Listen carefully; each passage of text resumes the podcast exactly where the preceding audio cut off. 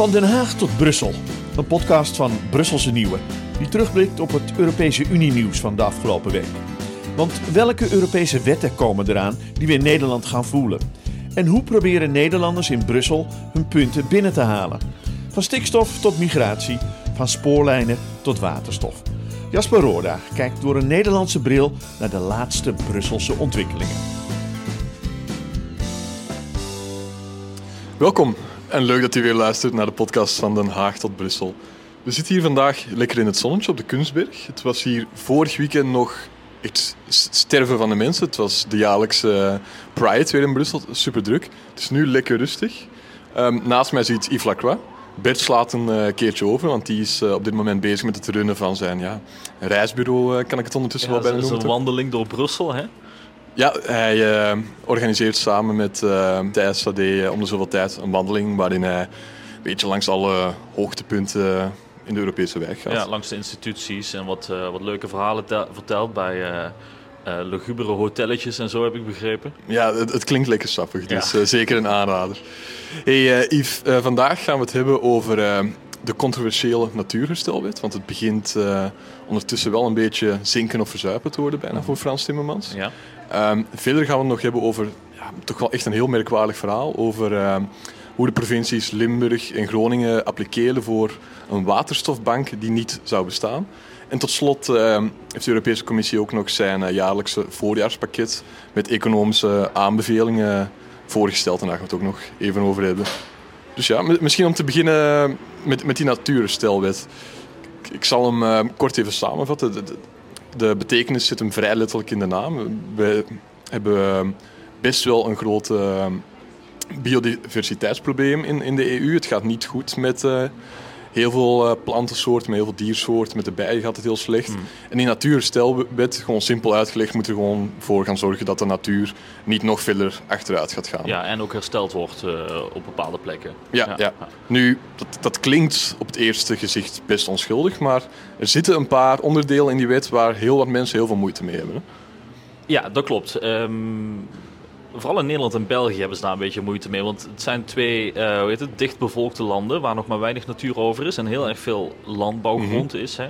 En, um, uh, uh, en de Nederlandse Europarlementariërs die zich hiermee bezighouden, vooral van de Landbouw- en de Visserijcommissie, die maken zich vooral druk. Die noemen het eigenlijk een, een stikstofcrisis 2.0 als deze wet er doorheen zou komen. Maar je hebt dus ook uh, iets dat noemen ze het slechteringsverbod. Dat betekent dat in, uh, ook, zoals bij stikstof, in bepaalde gebieden minder gebouwd mag worden, bijvoorbeeld. Uh, en ze zijn heel erg bang dat dat dus gaat leiden tot weer opnieuw grote problemen. Ja, ja weer opnieuw een vergunningstop, waar dat, ja, waardoor er dus ook weer problemen zouden zijn voor de bouw, voor de boeren. Voor de boeren zelf, ja. weer een, uh, het land op slot, uh, zeggen, uh, zeggen ze zelf. Ja. ja. nu waren er deze week in het Europees Parlement een, een paar belangrijke stemmingen hierover in, in verschillende commissies. Dat misschien belangrijk om even uit te leggen. In, in het parlement zitten Europarlementariërs een beetje samen in werkgroepen op thema. Dus op basis van economie, boeren, visserij. U, u begrijpt het wel, denk ik. Ja. En deze week waren er dus stemmingen in de Landbouwcommissie en in de Visserijcommissie over klopt. dit uh, voorstel. Ja. En daarvoor is zelfs uh, Frans Timmermans afgezakt ook. Ja, Frans Timmermans uh, die, die, die zag het misgaan met zijn, met zijn natuurherstelwet. Hè? Want, mm -hmm. En um, die hoorde, ik neem aan dat hij hoorde dat de Landbouwcommissie nogal negatief er tegenover stond. De Visserijcommissie had zich al nog harder uitgesproken. Dus hij besloot om, om naar, hij zit sowieso in Brussel, maar om naar het Europees Parlement te komen en te gaan praten met de landbouwcommissaris. En het, uh, uh, het was een beetje een rare meeting. Um, Frans Timmermans die was tegelijkertijd aan het zeggen... jongens, zeg mij nou wat jullie problemen zijn en laten we het erover hebben. Schiet dit niet nu al af. We kunnen nog gaan sleutelen. We kunnen nog gaan sleutelen, inderdaad. maar tegelijkertijd...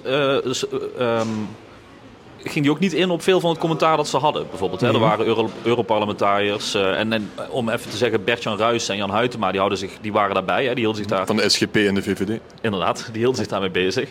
En um, die zeggen dan bijvoorbeeld, ja, maar, heb jij überhaupt wel gekeken naar wat voor invloed dit gaat hebben op boeren?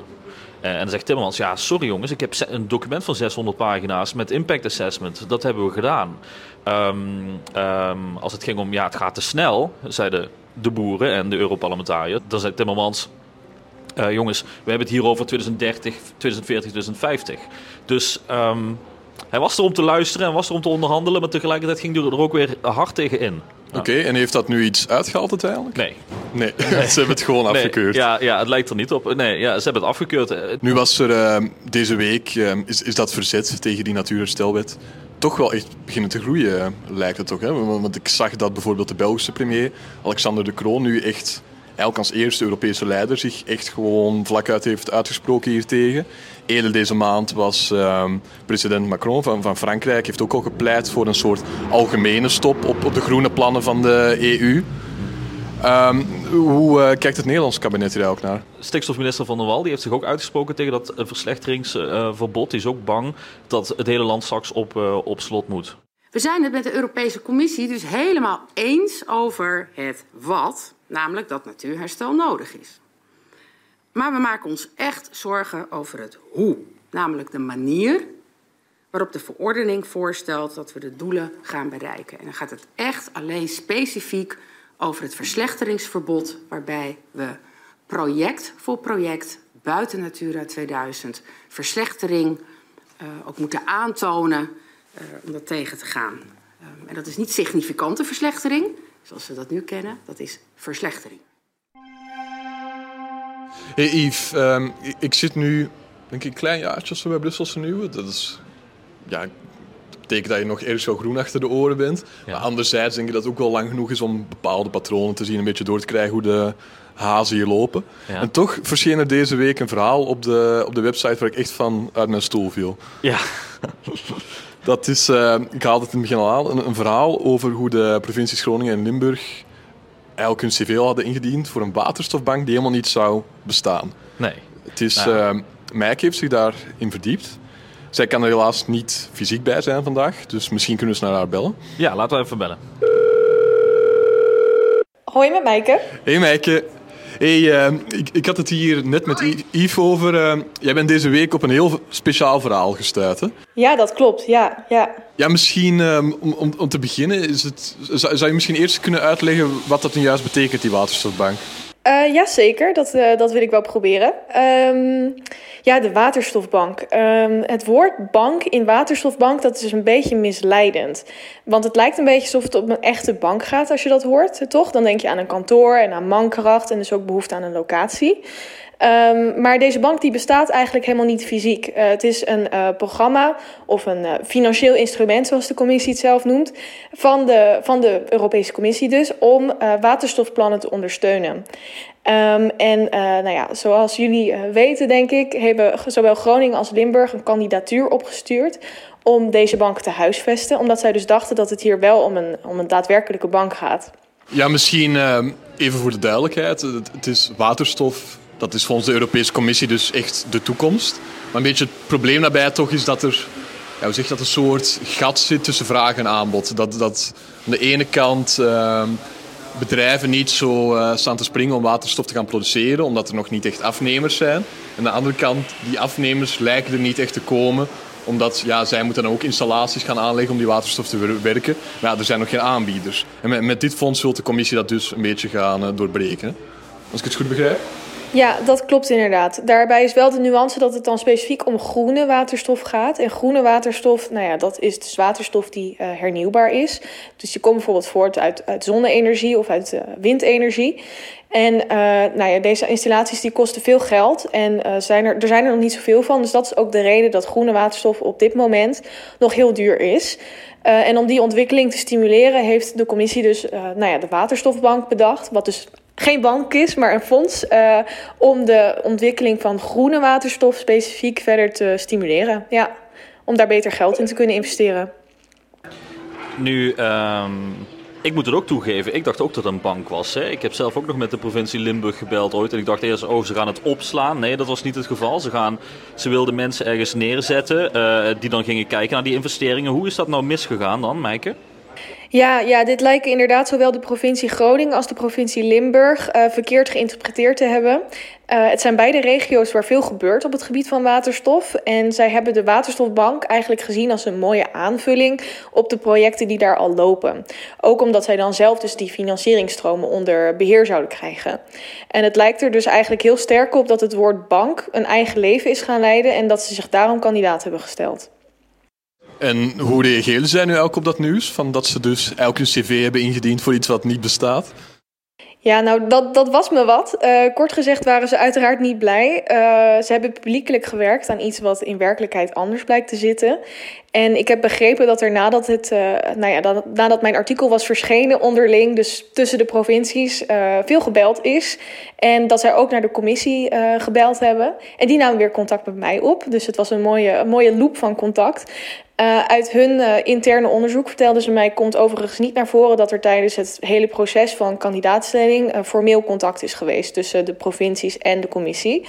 Ehm, dus het lijkt me wel goed dat die nu eindelijk even gaan praten. Maar wat is dan misgegaan bij de commissie dan? Hè? Want zij moet ook communiceren met andere stakeholders in Europa natuurlijk. Ja, ja dat, uh, dat klopt. Uiteraard is dat ook zo. En dat vind ik ook wel belangrijk om toe te voegen. Want de provincies die voelen zich uh, nou ja, een beetje in hun onderbroek gezet. Uh, maar ook de commissie heeft niet bepaald handig ja, gereageerd. En dat geven ze ook toe. want toen de waterstofbankplannen vorig jaar bekend werden, begreep niemand eigenlijk echt waarover het ging. Daar heeft Jasper ook over geschreven. Ja, en dan gaat het makkelijk mis.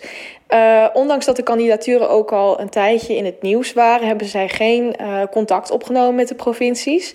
En uh, verder heb ik een commissieambtenaar gesproken en die vertelde mij dat zij vond dat er, ondanks dat er nooit gezegd is dat het om een fysieke bank zou gaan, er ook niet duidelijk ge genoeg gezegd is dat het niet om een fysieke bank ging. Um, dus ja, zij gaven aan uh, dat zij dit gaan aanpassen op hun site en uh, intern, zodat die verwarring niet meer mogelijk is. Uh, want ja, die ruimte die hebben zij dus ook te lang opengelaten. Ja, dan, dan hoop ik dat zij hier hun lessen nu uit gaan trekken. Dat kan voor ons als journalisten denk ik ook alleen maar mooi zijn als de commissie iets uh, duidelijker en concreter gaat communiceren soms. Ja, ja en ja. laten we ook niet vergeten dat we zelf ook in de val getrapt ja, zijn. Hè? We dachten ook dat het om een fysieke Absoluut, uh, bank ja. ging. Ja, ja, ja nee, ik ook. Oké, okay, dankjewel. Ja, dan gaan we weer door. Doei Maaike, tot de volgende. Ja, Jasper, uh, Mijke net aan de telefoon gehad. Nu gaan we even naar jou toe. Um, jij hebt je verdiept in het voorjaarspakket van de Europese Commissie. Ja, ja dat, dat, dat klopt. Soms... Wat is er nou precies? Ja, de, commissie uh, presenteert elk, elk jaar opnieuw een soort pakket met een heleboel economische aanbevelingen. Ik denk heel belangrijk dat ik het zo zeg, het zijn aanbevelingen. Dat de gedachte is een beetje van ja, heel veel economisch beleid wordt op het niveau van de lidstaten uh, bepaald in, in de nationale regeringen en parlementen.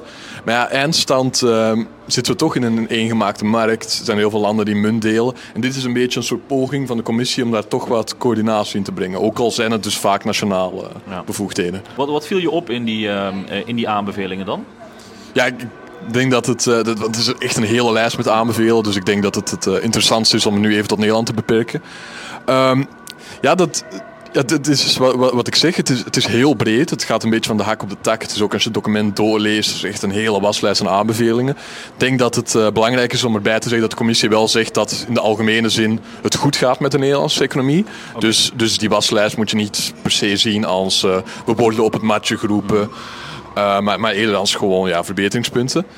En uh, ja, dus dat gaat over bepaalde zaken, zoals dat de commissie ziet dat de uitrol van uh, hernieuwbare energie in Nederland uh, veel trager gaat dan het Europees gemiddelde. Daarbij zeggen ze van ja, dat is niet handig, want dat ondermijnt de klimaatdoelen.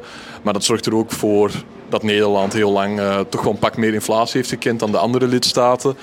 Uh, omdat wij dus nog meer afhankelijk waren van die fossiele brandstoffen die zo volatiel willen door de oorlog in Oekraïne. Uh -huh. um, en zo zijn er heel veel verschillende dingen die aan bod komen. Maar ik denk als, als er twee beetje thema's zijn waar, waarbij je een ro rode draad kunt zijn, dan zien, dan is het toch wel hypotheek en wonen en anderzijds ook wel de arbeidsmarkt. Ja. En wat, wat is daar nou opgevallen dan, als we het hebben over hypotheek? Want dat heeft voor veel jonge mensen uh, een grote rol gespeeld de afgelopen tijd. Ja, ja zeker. Ja. Het, het is ondertussen een beetje een, uh, een vertrouwd nummer aan het worden, want de commissie heeft hier al lang kritiek op.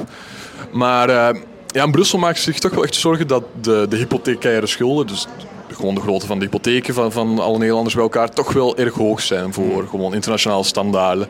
En ja, dat kan gevaarlijk zijn, want als er bepaalde economische schokken plaatsvinden, zoals bijvoorbeeld de rente die ineens heel hard omhoog gaat, wat we hebben gezien pas, ja, dan worden die hypotheken ineens heel duurder. En, en als we dan heel veel hypotheken hebben uitstaan, kan een beetje een kettingreactie in, in gang zetten in de economie.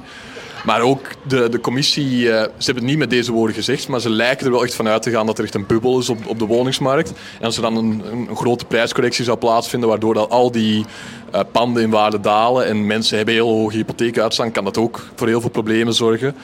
Ehm, dus ja, daar zegt de commissie wederom van we moeten werk maken van het afbouwen van de hypotheekrenteaftrek. Dus dat je de rente van je hypotheek mag indienen voor belastingsvoordeel. Want ja, de hypotheken zijn al te hoog en je moet dat niet gaan stimuleren. Ze zien wel dat er stappen zijn gemaakt, want in Nederland zijn we ons daar wel bewust van dat er iets moet gebeuren. En dus, oké, dit zijn aanbevelingen, zei je op het begin al. Hè? Eh, wat, wat gebeurt daarmee dan? Doet Nederland daar iets mee? Ja, het, het, is, het, het, is een beetje dubbel in, in hoeverre dat het afdwingbaar is. Want enerzijds, je zegt het, het zijn aanbevelingen. Maar anderzijds, het is wel de bedoeling dat dit, uh, deze waslijst gaat hierna naar, naar de raad, waar de regeringen van de lidstaten in zitten. Mhm. En zij gaan daar doorgaans wel akkoord mee. En dat, dat is normaal in, in, in, juli, als ik, als ik het goed heb. Dus dan heb je wel gewoon, uh, zeg maar impliciet aan Nederland wel beloofd om zich hier aan te houden. Okay. Nou, dat, uh, dat was hem volgens mij, hè, Jasper, voor deze week. Ja, ik denk het ook wel. Uh, dus ja, ik, ik, wil de luisteraar graag wederom bedanken om weer uh, met volle aandacht ongetwijfeld te luisteren. En uh, graag zien wij volgende week vrijdag weer terug. Ja, en vergeet niet onze social media te checken, jongens. like en subscriben. Ja, Facebook, Instagram, Twitter. Uh, YouTube ook. Daar maak ik heel veel filmpjes voor en ik hoop dat ze meer bekeken worden. Dus doe je best. ja, er, er stopt er nog zoveel moeite in. Ja. Dus. Hey. Tot volgende week. Tot volgende week.